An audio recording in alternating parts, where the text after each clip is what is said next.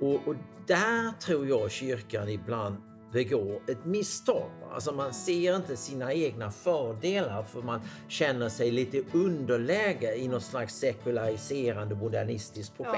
Ja de som jobbar nära och tätt med ekumenik, ja. med liksom möten med andra trosinriktningar, de pratar ju väldigt ofta om att för att kunna klara det så behöver man vara väldigt fast med var man står själv. Hej! Du lyssnar på Angeläget, en samtalspodd från Svenska kyrkan i Umeå med Lena Fageus och gäster. Idag är temat Håller vår tillit på att förändras? Så välkommen tillbaka Lars. Välkommen du som lyssnar. Jag sitter här i, på Ersta diakoni i systervåningen som det heter. Jag berättade för Jag har ju arbetat här på från 98 till 2005 så var jag präst här på Ersta i olika funktioner. Och då fick jag lära mig att det här rummet var från början ja, typ små eh, holkar där diakonissorna eller studenterna, eleverna bodde. Men nu är det ett stort vackert mm. rum. Eh, vi tänder ljuset som en påminnelse på närvaron i samtalet men också Guds närvaro. Jag vill... Eh, vi har fått frågor. Mm eh, som jag tänkte att vi ska ta på allvar. Det här är från Lena Marie. Mm. Hon skriver så här. Det hade varit roligt att höra Lars utveckla att vi diakoner och präster kanske behöver vara mera proaktiva med att arbeta tillitsskapande. Eller så att säga kyrkans roll i detta shit i samhället. Vill du tänka någonting kring det? Ja, jag tycker, jag tycker det är en viktig fråga. Jag, jag, alltså, man ser på den svenska eh, kyrkans eh, historiska utveckling så, så kan man ju säga att den eh, i, innan vi skapade en välfärdsstat så var det ju så att det var framförallt kyrkan då på sockennivå eh, som tillhandahöll väldigt mycket av den den omsorg som vi idag förknippar kanske mer mm. då med, med välfärdsstaten. Um, och kyrkan hade ju då en, så säga, hade en intressant position, tror jag. För att den å ena sidan var väldigt lokal. Eh, församlingsprästerna, eh, den lokala kyrkan, den lokala gemenskapen eh, i, i, byn, eh, i, i den socken där den fanns. Å andra sidan så hade den också väldigt universella förståelser av människan och människans relation till Gud men också i människans relation till varandra. Alltså det fanns där en föreställning om och på något sätt ändå det som vi idag kallar för mänskliga rättigheter, alltså alla människors lika värde i relation till Gud, eh, men därför också i relation till varandra. Ehm, så det fanns liksom både en, en, en lokal närvaro och en, en universalism. Ehm, och jag tror att det där liksom gav kyrkan en väldigt, väldigt speciell plats i det svenska samhället. Sen vad som händer då, och det börjar ju då väldigt tidigt redan på ja, början av 1900-talet och accelererar sen ehm, med, med 30, 40, 50-talet framåt. Så börjar man istället så att säga se på sin roll, alltså kyrkans roll, eh, som eh, mer någonting som har att göra med själen snarare än med kroppen. Mm. Eh, och det blir en slags arbetsfördelning. Alltså kyrkan så säga, ska inte ge sig in då på det som blir välfärdsstatens kärnområden. Eh, och det inkluderar då vård, skola och omsorg som vi brukar säga när vi pratar om de här sakerna i Sverige. Och det här tillbakadragandet eh, vad det gäller kyrkans eh, sociala närvaro i, i människornas liv lokalt tror jag eh, inte bara har varit av godo. Jag förstår logiken bakom detta. Mm. Och, och det, det, har att göra med sekulariseringen av samhället, det har att göra med statens framväxt. Men det ledde fram, tror jag, till att kyrkan började bli lite defensiv vad det gäller sin sociala roll. Och jag kommer ihåg detta när min mor gick bort eh, i, i, i lungcancer eh, på slutet av, av eh, alltså 1990-talet. Eh, så blev jag lite förbluffad över kyrkans frånvaro. Eh, för att hon var ju typisk kan man säga för sin generation. Hon var inte hon var medlem i kyrkan, hon gick till kyrkan, hon hade stor respekt för kyrkan. Hon var inte liksom eh, frikyrklig i sin framtoning. Hon var väldigt mycket del av folkkyrkan. En lite svalare form av religiositet, men som ändå var en viktig del av hennes liv. Men när det sen kom till kritan, det vill säga i de här, här sista tiderna som var tufft, det tyckte jag, jag blev lite förvånad för jag tänkte liksom om det är någon roll som kyrkan har är det väl ändå liksom det här själavårdande uppdraget. Man är ganska duktig på detta, man har en lång, lång tradition av att tänka kring sånt som lidande och döden. Eh, och, och har liksom haft, haft det lite grann som, om jag får uttrycka det lite vulgärt, sina affärsidé egentligen att kunna så att säga vara där för människorna eh, i sådana här situationer. Och det gjorde då att jag blev för, liksom förbannad, för att uttrycka det på hedlig svenska, och, och eh, berättade det för posten då i, i, i Ängelholm som var där, som var någon som min mor kände och han kände henne. Och jag sa, var 17 var ni någonstans? Mm. Och han reagerade, tyckte jag, väldigt konstruktivt. Mm. För istället för att liksom bli definitiv sa han, du, det här är ju en allvarlig fråga. Eh, kan du prata om detta om jag samlar ihop Lunds eh, stifts alla sjukhuspräster? Och så hade vi då en, en, en, en konferens eller seminarium kring. Men det där har sen fått mig att tänka kring det här framåt. Och nu när vi är en tid i, i, i Sverige där vi har så att säga börjat luckra upp den här idén om att det bara är den offentliga sekulära staten som har ett ansvar för, för den här typen av uppgifter så tycker jag frågan om kyrkans diakonala och sociala profil är, har blivit än mer viktig. Eh, jag tycker själv när jag tittar på exempel på Ersta diakoni där vi nu sitter, att ibland att man har så att säga rört sig för långt bort från en, tanke om kyrkan eh, med, med diakoner som är drivna av ett kall eh, eh där man liksom ser det som en uppgift som inte bara är liksom en rent professionell uppgift va? utan som det, det finns ett driv här va? Eh, som talar till hur vi människor faktiskt fungerar i krissituationer. Eh, och jag skulle ju gärna se liksom att om, om kyrkan ska ha en funktion eh, i, i, Sverige eh, långsiktigt va? så tror jag, och det är något som jag har lärt mig också från USA, där det är en självklarhet att kyrkor och samfund på ett helt annat sätt va? tar för sig vad det gäller den här sociala rollen gällande omsorg, äldreomsorg, i sjukvården och så vidare. för det är där det, liksom, det blir på riktigt på många sätt för ja, människor. Ja. Och jag tror jag förstår att, att i Sverige är det många i, i Svenska kyrkan som vill, vill inte tränga sig på. Det hör jag ofta. Va? Utan man vill liksom att människor ska frivilligt vända sig till kyrkan. Men jag brukar säga det att ligger du själv sjuk och för döden i en säng så liksom är inte det riktigt läge då att börja leta i sin mobiltelefon mm. efter någon. Utan då måste kyrkan kunna vara där Även om man ska vara lyhörd. Va? För man kan ju komma till någon, känner man att den personen verkligen inte vill att man ska vara där, ja då givetvis så har man, visar man respekt för detta. Men att bara sitta och vänta på att någon ska ringa mm. tror jag inte heller räcker. Nej, och, men jag tänker också, jag har en, en historia där jag blev kallad till en, till en dödsbädd, eh, det är ett antal år sedan, år tillbaka. Eh, men där jag kom, eh, och då visade det sig att den här personen hade bett personalen att, eh, att ta kontakt med mig eh, kanske två veckor tidigare. Mm. Eh, så att jag kom när hon bara hade timmar kvar. Så att det som hon ville prata med mig om, det, mm. det gick liksom inte riktigt... Nej. Hon var bortom det på något ja, sätt. Så nu kunde jag bara vara där och, liksom, och be och dela, dela den där stunden. Ja. Men jag tänker också att det, att det finns någonting med jag håller helt med dig om att vi behöver ta en mycket mer aktiv roll och mm. faktiskt kanske tränga oss på så att folk får avvisa oss istället. Ja. Och vara liksom mera frimodiga i att ja, men förstå, vi vet ju ja. vilken betydelse det har att, mm. att, man, att man finns när, när livet eh, krisar. Ja. Att det finns någon också en bit utifrån, utanför familj, den närmaste familjen som finns där som ett stöd. Men det, finns, det är också något slags eh, tecken på sekularisering, tänker jag. Alltså att mm. då de här sjukvårdspersonalen inte tog på allvar att eh, eh, hennes önskan om att ringa mig. Nej.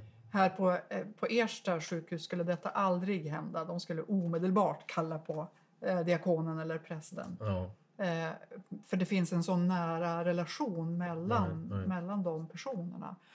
Men, Men- det är ju, alltså, samtidigt så är det ju också så att även på de, så att säga, det finns ju bara fem, sex diakonala eh, institutioner som, som, Ja. som Ersta. Det är inte så många och de har länge befunnit sig i en defensiv position också. Ja. I, i, och jag, jag skulle vilja säga att, att även här finns det liksom en, egentligen bara en början va, till en, en, en, eh, lite mer offensiv diskussion va, kring den diakonala traditionen och kallets betydelse. Eh, och jag brukar själv, trots att jag inte själv är liksom eh, eh, eh, präst eller diakon, så kan jag tycka liksom att, att eh, det som är styrkan, va, om du ser till, till befolkningen, medborgarna, va, varför bryr man sig om Ersta sjukhus på ett annat sätt än, ett, ett, ett vanligt sjukhus? Jo, det är för det finns någon förnimmelse. Va? Att folk där bryr sig på ett lite annorlunda sätt. Va? Och det här är liksom är väldigt, väldigt positivt, väldigt viktigt. Va? Och där tror jag att man har under många, många decennier eh, i ett slags driv att framstå som modern i det här sekulära samhället. Om man liksom vill att tona ner detta. Det finns något lite unket, va? lite gammalmodigt, lite tveksamt va? när man börjar prata om diakoni och kall. Va? Eh, och, och där tror jag kyrkan ibland begår ett misstag. Va? Alltså man ser inte sina egna fördelar för man känner sig lite underläge i något slags sekulariserande modernistiskt projekt. Ja, ja, men, jo, men det, jag, jag kan hålla med dig om att det, att det finns en stor risk för det. Att, eh, att vi inte tar positionen som vi faktiskt har. Alltså som du beskriver också, Ja. att, eh, med din mammas eh, döende process. Right. Att eh, ja, men det hade varit självklart att hon skulle ha blivit eh, omhändertagen Ja. eller, med, eller visad omsorg från kyrkan. Men där behöver vi bli frimodigare tror jag som kyrka. Ja. Jag, ska, jag, jag vill väl läsa vidare Mm, i, eh, i Lena Maries eh, frågor. För hon skriver så här också. Nu ska vi se. Behöver vi i kyrkan ha mer kunskap vad gäller skillnaderna mellan klan familjevärderingar och det individualistiska Sverige när vi till exempel arbetar med tonårstjejer som inte får träffa vilka vänner de vill eller ha de fritidsintresset, vem de får gifta sig med på grund av familjens värderingar på kvinnor? Hörde i undersökningar att man räknar med att cirka 100 000 tonåringar i Sverige vars liv begränsas av sina familjer. Skrämmande siffror. Ja, vad skulle kyrkan kunna spela för roll här, frågar Lena Marie. Och finns det någonting Ja. som vi, det finns ett värde där vi Right. vet mer om, Mm. om de här värderingarna? Ja, alltså för det första tror jag att liksom det är hyperviktigt att ha de här insikterna som beskrivs i, i den här frågan. För detta är ju så att säga Sverige som det fa- faktiskt är idag. Eh, Så att det, eh, i första steget är väl egentligen att inte ha så att säga för många synpunkter utan försöka ha kunskap framförallt om detta. Så att man liksom närmar sig människor eh, med en mer så att säga, komplex förståelse av hur det kan se ut. Va? Eh, Så att man är liksom förberedd för eh, att ha ett samtal eh, med till exempel de här tjejerna på ett annat sätt än vad man har med en tjej som kanske då har växt upp i, då, i, i mer liksom, eh, vad, vad vi tänker på som är mer så att säga, normala svenska samhällskontraktet. Va? Eh, och, och det där liksom går ju tillbaks till förstå också det som du och jag pratade om tidigare. Va? Att det är aldrig på det sättet att du bara har den här partikulära tilliten som är baserad på familj och klan. eh, Eller bara den här individualistiska generella tilliten till gemensamma institutioner. Utan vi lever alla på något sätt i eh, ett slags mellanrum här.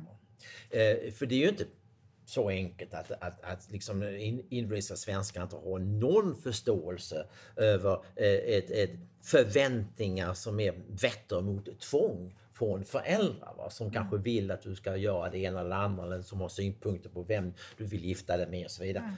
Eh, utan jag tror att vi måste liksom hitta hos oss själva liksom en lite bredare förståelse eh, där vi kan ha två bollar i luften. Eh, det innebär ju inte sen att inte vi också samtidigt eh, eh, kan ta ställning. Alltså det, vi har ju trots allt också i Sverige en lagstiftning.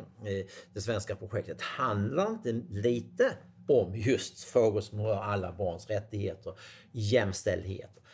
Och där är det ju viktigt liksom att kunna kombinera en, så att säga, en, en förståelse med, med en liksom subtil fingertoppskänsla med att samtidigt kunna vara ganska bestämd vad det gäller sen att kunna hjälpa tjejer som kanske mm. befinner sig i en situation där de sitter fast va, i det här. För här har vi ett problem vad det gäller en del tendenser i, vad det gäller så att säga, vår, vår applåderande av det mångkulturella. Va? Att vi liksom då har en slags falsk tolerans. Va? Vi säger liksom att ja, vi skulle aldrig tolerera det här liksom i vår egen familj. Va? Om, om, om, ja, det var någon ja, ja. pappa som satte eh, Men alltså, här har vi, vi ju inte framstått som främlingsfientliga så vi ska Nej. inte ha för mycket synpunkter på hur det går till där.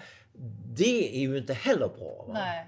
Utan vi så jag måste både förstå någonting men vi måste mm. också kunna ta ställning. Mm. Eh, och, och, och där tycker jag också det är viktigt att Svenska kyrkan är tydliga. Ibland, jag har varit med en del eh, under, under Lutherjubileet så blev jag inbjuden en hel del till olika samtal. Mm. Och då blev jag lite paff när jag liksom fick höra lite grann att Svenska kyrkan är, är, ser sig själv som en slags plattform för ekumeniska samtal. Eh, och då ställde jag ju den här uppenbara frågan, ja, men det där låter ju väldigt fint. Men sa jag, då är ju frågan, vad står ni för? Mm. Alltså, har ni, har ni någon teologi? Har ni värderingar som ni står för? Har ni en egen röst överhuvudtaget? Eh, och, och, och där tror jag återigen man måste liksom kombinera liksom en öppenhet för en dialog givetvis med andra mm. trossamfund och andra grupper i samhället. Men man måste ju också kunna framstå som så att säga själv ha en position. Och det där kommer du, känner du själv igen. Tänk på dig ändå som en kvinnlig präst. Va? Det är inte så många årtionden sedan som vi hade en debatt inom Svenska kyrkan kring ja, men detta. Vi har va? det fortfarande. Ska jag säga. Nej men, nej men alltså det finns verkligen någonting med de som jobbar nära och tätt med ekumenik, ja. med liksom möten med andra trosinriktningar. De pratar ju väldigt ofta om att för att kunna klara det så behöver man vara väldigt fast med var man står själv. Ja. För, att inte, ja, för att det ska fungera helt enkelt. Ja. Så det ligger ju mycket i linje med det som du säger, att det är mm. viktigt att stå upp för det som man tror på. Jag hittade en text i morse som jag, som jag tänkte handlar om det här som vi pratar om. Så här låter den. Tillit är ett palindrom. Vill du skapa tillit måste du ge tillit. Du behöver släppa taget och ge ansvar. Du behöver börja lita på andra men också på att saker och ting kommer att ordna sig till det bästa trots att du inte har kontroll. Att lita på är inte samma sak som att veta säkert. Att lita på innebär att du tror trots att du inte vet. Mm. Nu är det så här att vår tid är slut. Ja. Det har varit fantastiskt roligt att sitta här med dig idag, eh, Lars. Ja, detsamma. Och jag, inte minst vill jag, jag tacka dig givetvis för dina, dina bra frågor och ingångar i samtal, men också för de fina frågorna som ja. du läste upp. Så jag ville bara ge en hälsning ja. eh, tillbaks och tacka för det så hemskt mycket. Ja. Tack så mycket. Eh, vi, jag vill också tacka dig som lyssnar. Det har varit, eh, ni, ni, vet att jag brukar avsluta varje, varje sån här eh, samtal med att verkligen uppmana er att återkoppla och komma med frågor och, och, synpunkter och tankar kring det här samtalet och eh, önskemål framåt kanske, vad du skulle vilja att jag samtalade, vem jag skulle samtala med. Så, så tack för nu. Du har hört Angeläget, en podd med Lena Fageus och gäster. Podden är producerad av Svenska kyrkan i Umeå vill du fortsätta samtalet når du oss på Svenska kyrkan i Umeås Facebook eller via e-post till umia.kommunikation svenskakyrkan.se. Tack för att du lyssnade.